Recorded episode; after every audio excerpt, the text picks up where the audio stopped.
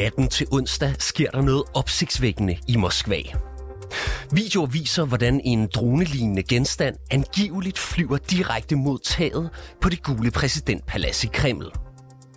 Da den nærmer sig, bliver dronen afværget og går i flammer lige over kuplen på bygningens tag. Ifølge Kreml selv, så forsøgte to ubemandede luftfartøjer at ramme regeringsbygningen og præsidenten, men russiske specialstyrker afværgede angrebet. Og russerne, de er ikke i tvivl om, at Ukraine stod bag. Du lytter til konfliktzonen, hvor vi i dag ser nærmere på det her påståede angreb på Kreml. Og generelt på flere af de luftangreb, der på det seneste har ramt begge sider af krigen. Det vil sige, at vi både vender blikket mod Moskva, til Østukraine og til Krimhaløen. Mit navn er Mads Vesterager. Velkommen til Konfliktzonen.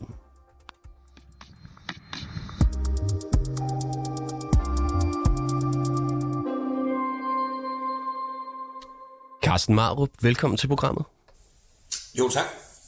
Du er major og chef for Center for Luft- og Rumoperationer på Forsvarsakademiet. Og Carsten Marup, hvordan skal vi forholde os til den her video af et angiveligt angreb på Kreml? Altså, tror du, den er ægte? Jamen, nu siger du netop selv angiveligt, og jeg vil også mene, at man skal forholde sig pænt skeptisk til, til angrebet. Altså, jeg tror sådan set, at videoen er ægte nok. Altså, det vil sige, det vi ser på billederne, er, er noget, der er foregået i, øh, i virkeligheden. Men spørgsmålet det er så, hvad der er, der er foregået, og hvem der står bag. Og, øh, og der vil jeg sige, der er jeg ikke sikker på, at juryen er helt kommet tilbage fra voteringen endnu. Men jeg synes, det er værd at hæfte sig ved, at øh, præsident Zelensky har meldt ud senest, at det er på ingen måde dem, øh, og hans begrundelse for at sige, at de, de ikke står bag det, er jo for det første, at øh, som han siger i sin, øh, sin tale, at øh, de kæmper mod Rusland på ukrainsk territorium, øh, og de sådan set har nok at se til der, og ikke har behov for at, øh, at brede konflikten videre ud. Øh, en anden ting i den kontekst, det er, at øh, der har været stor tilbageholdenhed fra Vesten om at give Ukraine våben, som kan række langt, øh, fordi man er bange for, at konflikten øh, bliver spredt, og øh, det lader heller ikke til at være et fornuftigt skridt af Ukraine at tage i den kontekst, hvis man er bange for, at konflikten bliver bredt ud. Derudover kan man også sige, at der er mange øh, årsager til, hvorfor Rusland skulle øh, påstå, at sådan et angreb har fundet sted. I det, at det så kan bruges af russerne til at legitimere øh, de angreb, de foretager mod Ukraine, dels over for resten af verdens befolkning, men især over for den russiske befolkning, når nu man kan se, at ukrainerne angriber ind i Moskva. Og sidst men ikke mindst, så hele ideen om, at øh, to små droner skulle kunne anvendes til et øh, angreb øh, med henblik på at ramme Putin, er lidt søgt i det, at den type våben med den type sprængladning i forhold til at ramme ind i Kreml og, og ramme den russiske præsident jo slet slet ikke ville stå mål med det, som man skal bruge i, øh, i den sammenhæng. Så der er mange ting omkring det her angreb her, som, øh, som selvfølgelig lidt står helt uvisse stadigvæk, fordi at vi mangler øh, data og information omkring det. Men umiddelbart er der rigtig meget, synes jeg, der peger på, at det ikke er ukrainerne, som står bag det. Og det her, det sker jo lige på et tidspunkt i krigen, hvor russerne de også står over for en nært forestående ukrainsk modoffensiv. Og vi ser jo også, at russerne den seneste uge selv har intensiveret sin luftangreb mod Ukraine. Fredag her, der, der stod en boligblok i flammer i det centrale Ukraine, og der var altså 27 lejligheder, der blev totalt jævnet med jorden, og mindst 25 mennesker, de øh, omkom under det øh, største russiske luftangreb i næsten to måneder. Og lignende store fatale luftangreb, de har altså ramt Ukraine natten til mandag og natten til onsdag. Hvorfor har russerne egentlig intensiveret deres luftangreb netop nu? Jamen igen, øh, det er selvfølgelig svært at sige med sikkerhed. Det er jo kun russerne selv, der, der ved det. Så, så det vi kan gøre, det er, at vi kan prøve at analysere på, hvad der, er, der foregår, og så komme med nogle konklusioner ud fra det, uden at kunne sætte to streger under, fordi det er jo kun, hvad man så kan, kan forvente. Og det jeg ser, det er, at der kan være sådan to ting i det. Altså den ene ting, det er, at russerne igennem en lang periode øh, har gjort det, at de har angrebet massivt, øh, og så har de ligesom sparet sammen til det næste angreb, og så har de så angrebet massivt igen. Det så man igennem hele vinteren, øh, hvor russerne de angreb øh, primært den øh, ukrainske civile infrastruktur, med henblik på at gennemføre terrorbombardementer af Ukraine og prøve at se, om man kunne opnå en eller anden effekt i den ukrainske befolkning, øh, som skulle gøre, at øh, Ukraine ville give op. Det man blandt andet øh, satsede på, det var jo, at man kunne øh, gøre livet øh, koldt og træls for ukrainerne om, om vinteren ved at, at, at nægte dem muligheden for at varme deres hjem op og ved at, at tage strømmen fra dem. Øhm, heldigvis for ukrainerne var vinteren ikke så hård, som, øh, som den kan være. Og derudover viste ukrainerne, at de havde en, øh, en stor modstandsdygtig over for det her. Dels skød de en del af de her droner ned øh, undervejs, og dels var de rigtig dygtige til ret hurtigt at få gang i deres øh, el- og varmeforsyning igen. Så de her angreb, de fik slet ikke den effekt, som øh, var tiltænkt. Så der kan man tænke, at, at når, eller jeg vil sige, når man laver sådan et angreb fra russisk side af, så det de så gør, det er, at de sender mange missiler og droner afsted på en gang, for at mætte det ukrainske luftforsvar. Og, og den mætte betyder, at der er så mange mål i luften, at det ukrainske luftforsvar ikke kan skyde dem alle sammen ned. Og på den måde, så sikrer man sig så tilsvarende, at der er så nogen, der kommer igennem, så forretter øh, skade af den ene eller anden slags. Og sådan et angreb, som de lige har set, kan sådan set være en, en, et angreb af samme type, hvor der bare er gået den her tid, hvor man bare har sparet op. Men det, der også er lidt interessant ved angrebet, det er, at vi kan se, at målene er anderledes. Så det er ikke længere den øh, civile ukrainske infrastruktur, øh, der, der bliver gået efter, øh, hvorimod det den her gang i højere grad er militærmål, som man også har, har prøvet at ramme. Der er også stadigvæk, som du nævner med hensyn til boligblokken, øh, tegn på, at man stadigvæk laver terrorbordementer, men det er lidt som om, at angrebens natur har skiftet karakter. Og det kan være, som jeg fornemmer lidt, du øh, ansøgte til at starte med, at det er fordi angrebet skal ses i konteksten af den øh, forestående øh, ukrainske offensiv, hvor man så vil øh, dels prøve at se, om man kan svække de ukrainske styrker ved at ramme øh, oliedepoter, ammunitionsdepoter og lignende, øh, og dels vil man givetvis prøve at se, om man kan svække det ukrainske luftforsvar. Øh, I forbindelse med de her lækkede pentagonpapir øh, fremgik det jo, at der måske ikke er så frygtelig meget ukrainsk luftforsvar tilbage, og, øh, og russerne kan have en, øh, en, en til hensigt at se, om de kan få dem til at skyde mere eller mindre tomt, sådan at de ikke kan bruge deres luftforsvar, når offensiven starter, hvor de i høj grad også har, har behov for det.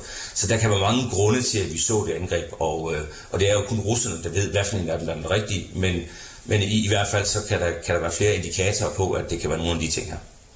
Så hvor succesfuld vil du vurdere, at de her luftangreb de har været? Jamen det kommer selvfølgelig også an på igen, hvad formålet er. Øh, fordi hvis formålet er, at, øh, at ukrainerne skal bruge en masse luftforsvar øh, på at skyde de indkommende missiler og, øh, og droner ned, så er det jo en succes, fordi ukrainerne går også ud og melder ud, at hvis der kommer 18, så skyder de 15 ned for eksempel. Og på den måde, så er det jo øh, øh en, en, en, en, en succes for russerne, at de så får, får brugt noget af det her materiel, som de måske har i, øh, i sparsomme mængder. Carsten Marup, major og chef for Center for Luft- og Rumoperationer på Forsvarsakademiet. Jeg slipper dig lige for en kort stund, men bliv hængende, fordi vi vender tilbage til dig om lidt. Vi skal nemlig lige en tur til Ukraine først.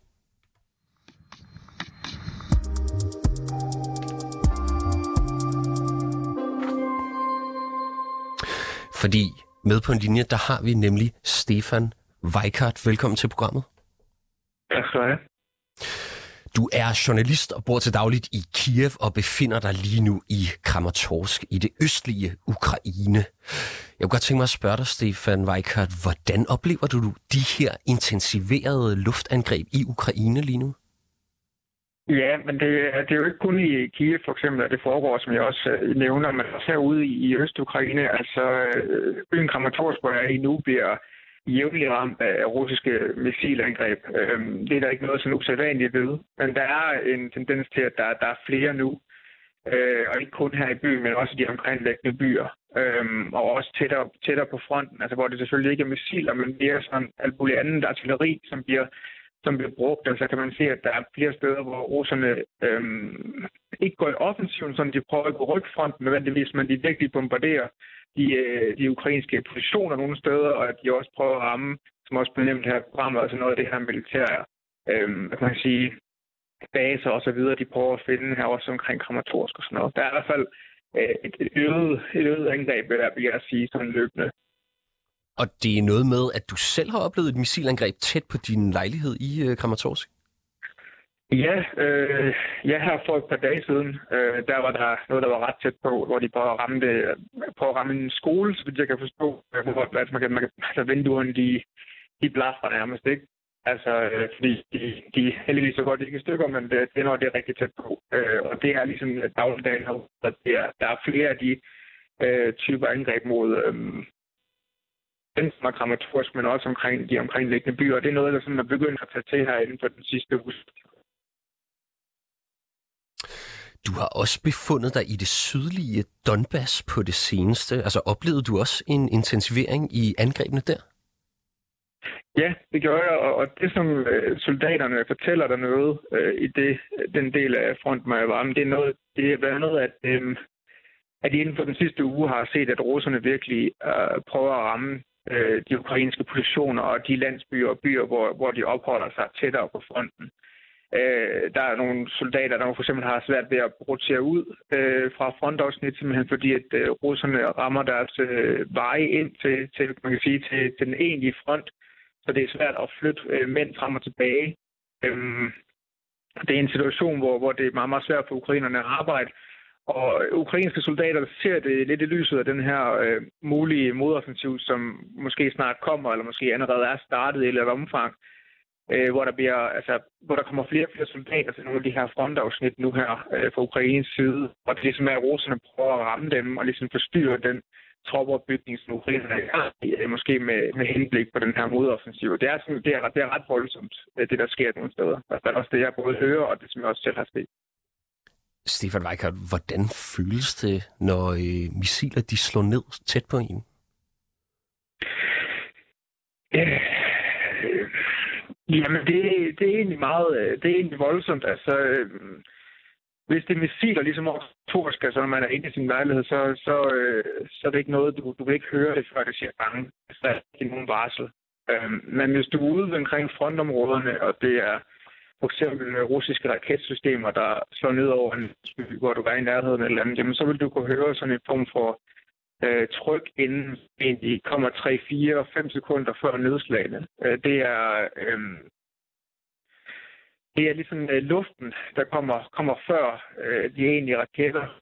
Øhm, og så har man øh, 3, 4, 5 sekunder til at gå i skjul, inden, at det, inden det slår ned. Øhm, og det, det er ret voldsomt. Altså, der, der handler det om, øh, hvis det er tæt på, altså tage det dybt seriøst at komme ned og, og simpelthen bare noget at ligge på vejen. Eller hvis der er et sted at gå i skjul, simpelthen og det, altså, det, er, det er voldsomt. Det er svært at beskrive, hvordan det føles. Altså, det, det, øh, det, det, er jo, altså, det, det er jo bare alvor, man kan sige. Det er jo den form for frygt, jo, der kommer. Men det er dybt alvorligt. Og altså, det, det lyder som om, at, at det er nemt at, at mærke, at det spidser til derude. Er det rigtigt forstået? Ja, det vil jeg sige, og det er også det, som soldaterne fortæller. Der er sket et skifte her inden for de sidste uge. Øh, simpelthen fordi deres optik, nu er der ikke nogen, der de her soldater, jeg snakker med, som ved, øh, hvornår de eventuelt bliver sendt i offensiven, eller hvor præcis øh, Ukrainer kan finde på at ramme. Men der er øh, ifølge soldaterne jo nogle, nogle ting, der sker på Ukraines side lige nu, og russerne ligesom prøver at sige, at nu prøver vi at nu prøver vi måske at ramme de her, for at forstyrre ukrainerne i deres planlægning eller i deres flytning af materiel, og det gør, øh, og det gør selvfølgelig situationen utrolig utrolig vanskelig, både for, for de soldater, som er dernede, som nu bliver ramt rigtig, rigtig hårdt i den sydlige af Donbass, som jeg selv har. Også, at, øhm, også for de civile, som er blevet tilbage, for der er ikke civile i de her landsbyer, altså, 6 km fra frontlinjen, som, som, som nu også øh, bliver udsat for de her angreb. Så det er, meget, det er egentlig meget voldsomt på mange måder, øh, og soldaterne ved jo ikke, øh, hvad der prøver jo at få det bedste ud af det, prøver ligesom at altså, prøver at gøre sig klar og så videre og gøre deres arbejde, men men det, er, men det er i hvert fald en ny udvikling, vil jeg sige. Hvad siger de civile i området så? Altså, hvordan, ud, øh, hvordan oplever de det, når du snakker med dem? De civile, de, øh, ja, de, det er utroligt, at på trods af, at man kan sige, at det virker fuldstændig vanvittigt at blive tilbage, men så er der stadig nogen, der gør det. Og, og selvom at der kan om, 4-5 sekunder eller lidt, jamen, så er folk stadigvæk i et eller andet ud, og omfang på gaden og sådan noget.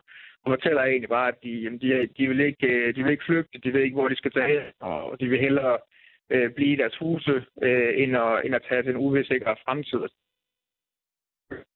Blevet tilbage, de er ligesom sådan en som, som, som nægter at tage væk, og som, som ja, på trods af, af, af risikoen for at dø, øh, er der hver eneste dag, og der er nødslag omkring de her landsbyer hver eneste dag, jamen så er der stadigvæk nogen, der, der bliver tilbage. Og, og det, det er svært at finde logik i, hvorfor, men det, som de siger, det er, at de ikke vil forlade deres hjem. Jeg er født her, øh, og jeg kommer til at dø her, øh, agtigt øh, logik.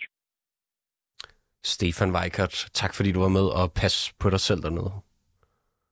Tak for Dansk journalist med fra Kramatorsk i det østlige Ukraine.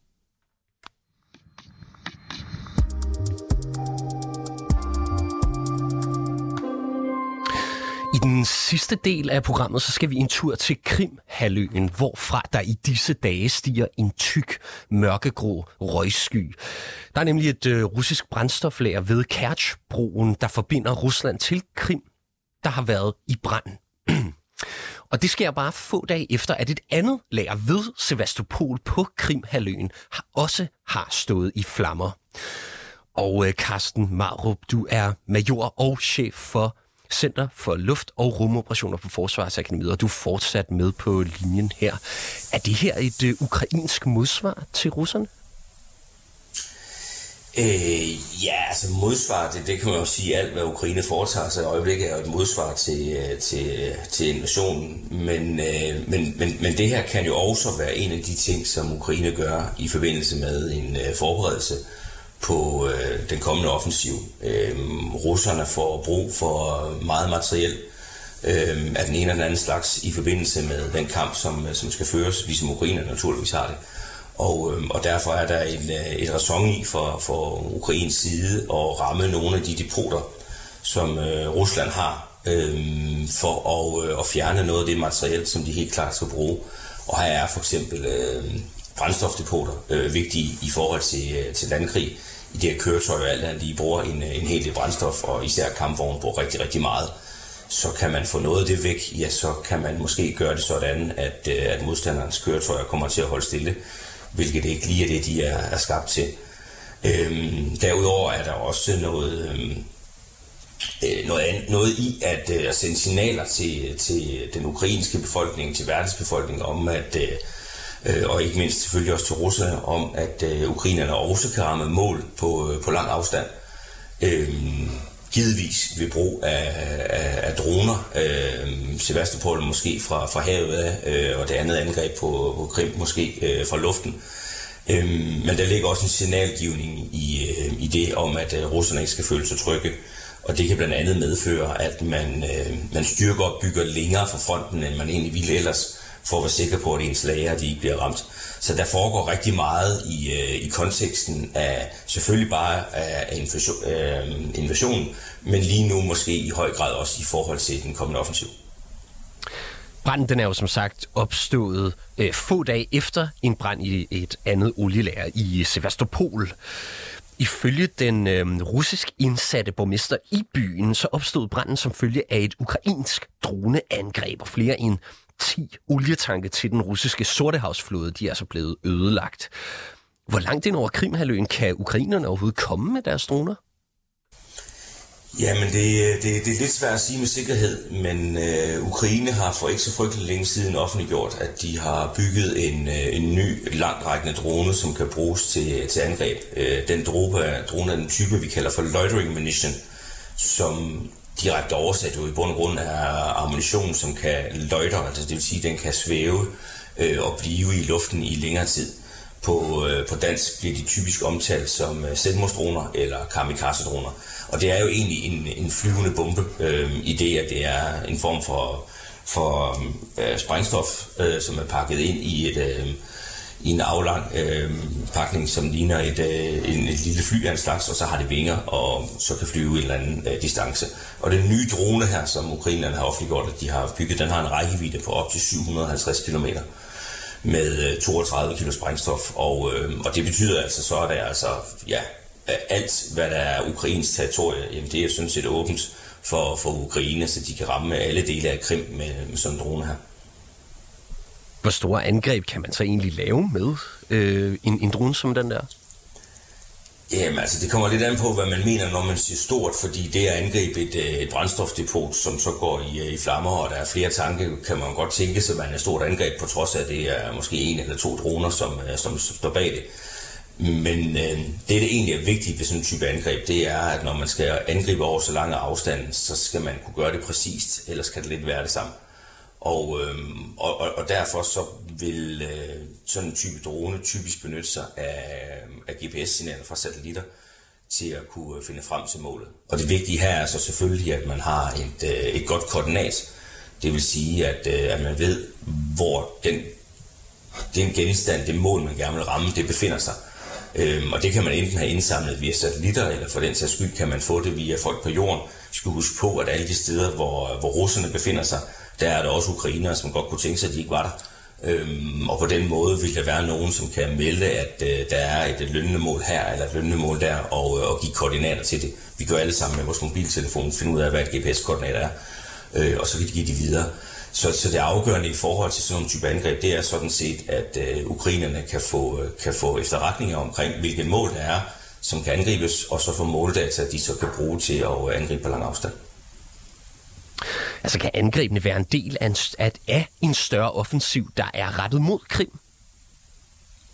Ja, spørgsmålet er jo selvfølgelig, hvor, hvorhen offensiven den så bliver rettet. Øhm, øh, der er jo ikke nogen tvivl om, at øh, ukrainerne vil have russerne ud af deres territorie.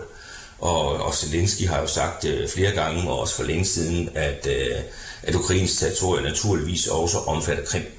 Så, så derfor kan man godt forestille sig, at, øh, at en mulig offensiv vil have til hensigt at, øh, at få flyttet russerne ud af, af Krimhaløen. Øhm, det kan også lige så vel være rettet mod øh, Melitopol øh, med henblik på at skære den, øh, den russiske invasion over i øh, to halvdel og simpelthen lukke af for de styrker, der så vil være vest for en, øh, en, en linje der. Når det er sagt, det er nok også det, russerne forventer lidt, og, øh, og der er meget, der peger på, at de har bygget meget, øh, mange forsvarsværker og er klar til en kamp i øh, det område. Der er rigtig mange styrker, øhm, og ofte vil det være sådan, at man vil søge at angribe et sted, hvor ens modstander ikke står allerstærkest, øhm, for at danne tyngde med sin egen styrke over for et sted, hvor det er, at ens modstander står lidt svagt. Så det er spørgsmålet, om det er en, en hensigtsmæssig måde at øh, forvalte den offensiv på. Men det er jo øh, urinerne, der ved bedst, og måske kun ved, hvorhen det er, at øh, de har tænkt sig at, øh, og, og føre øh, kampakserne hen, og så må vi se, hvad der sker, når de går i gang. Carsten Marup, mange tak for din medvirken her i dag. Det var slet. Altså major og chef for Center for Luft- og Rumoperationer på Forsvarsakademiet.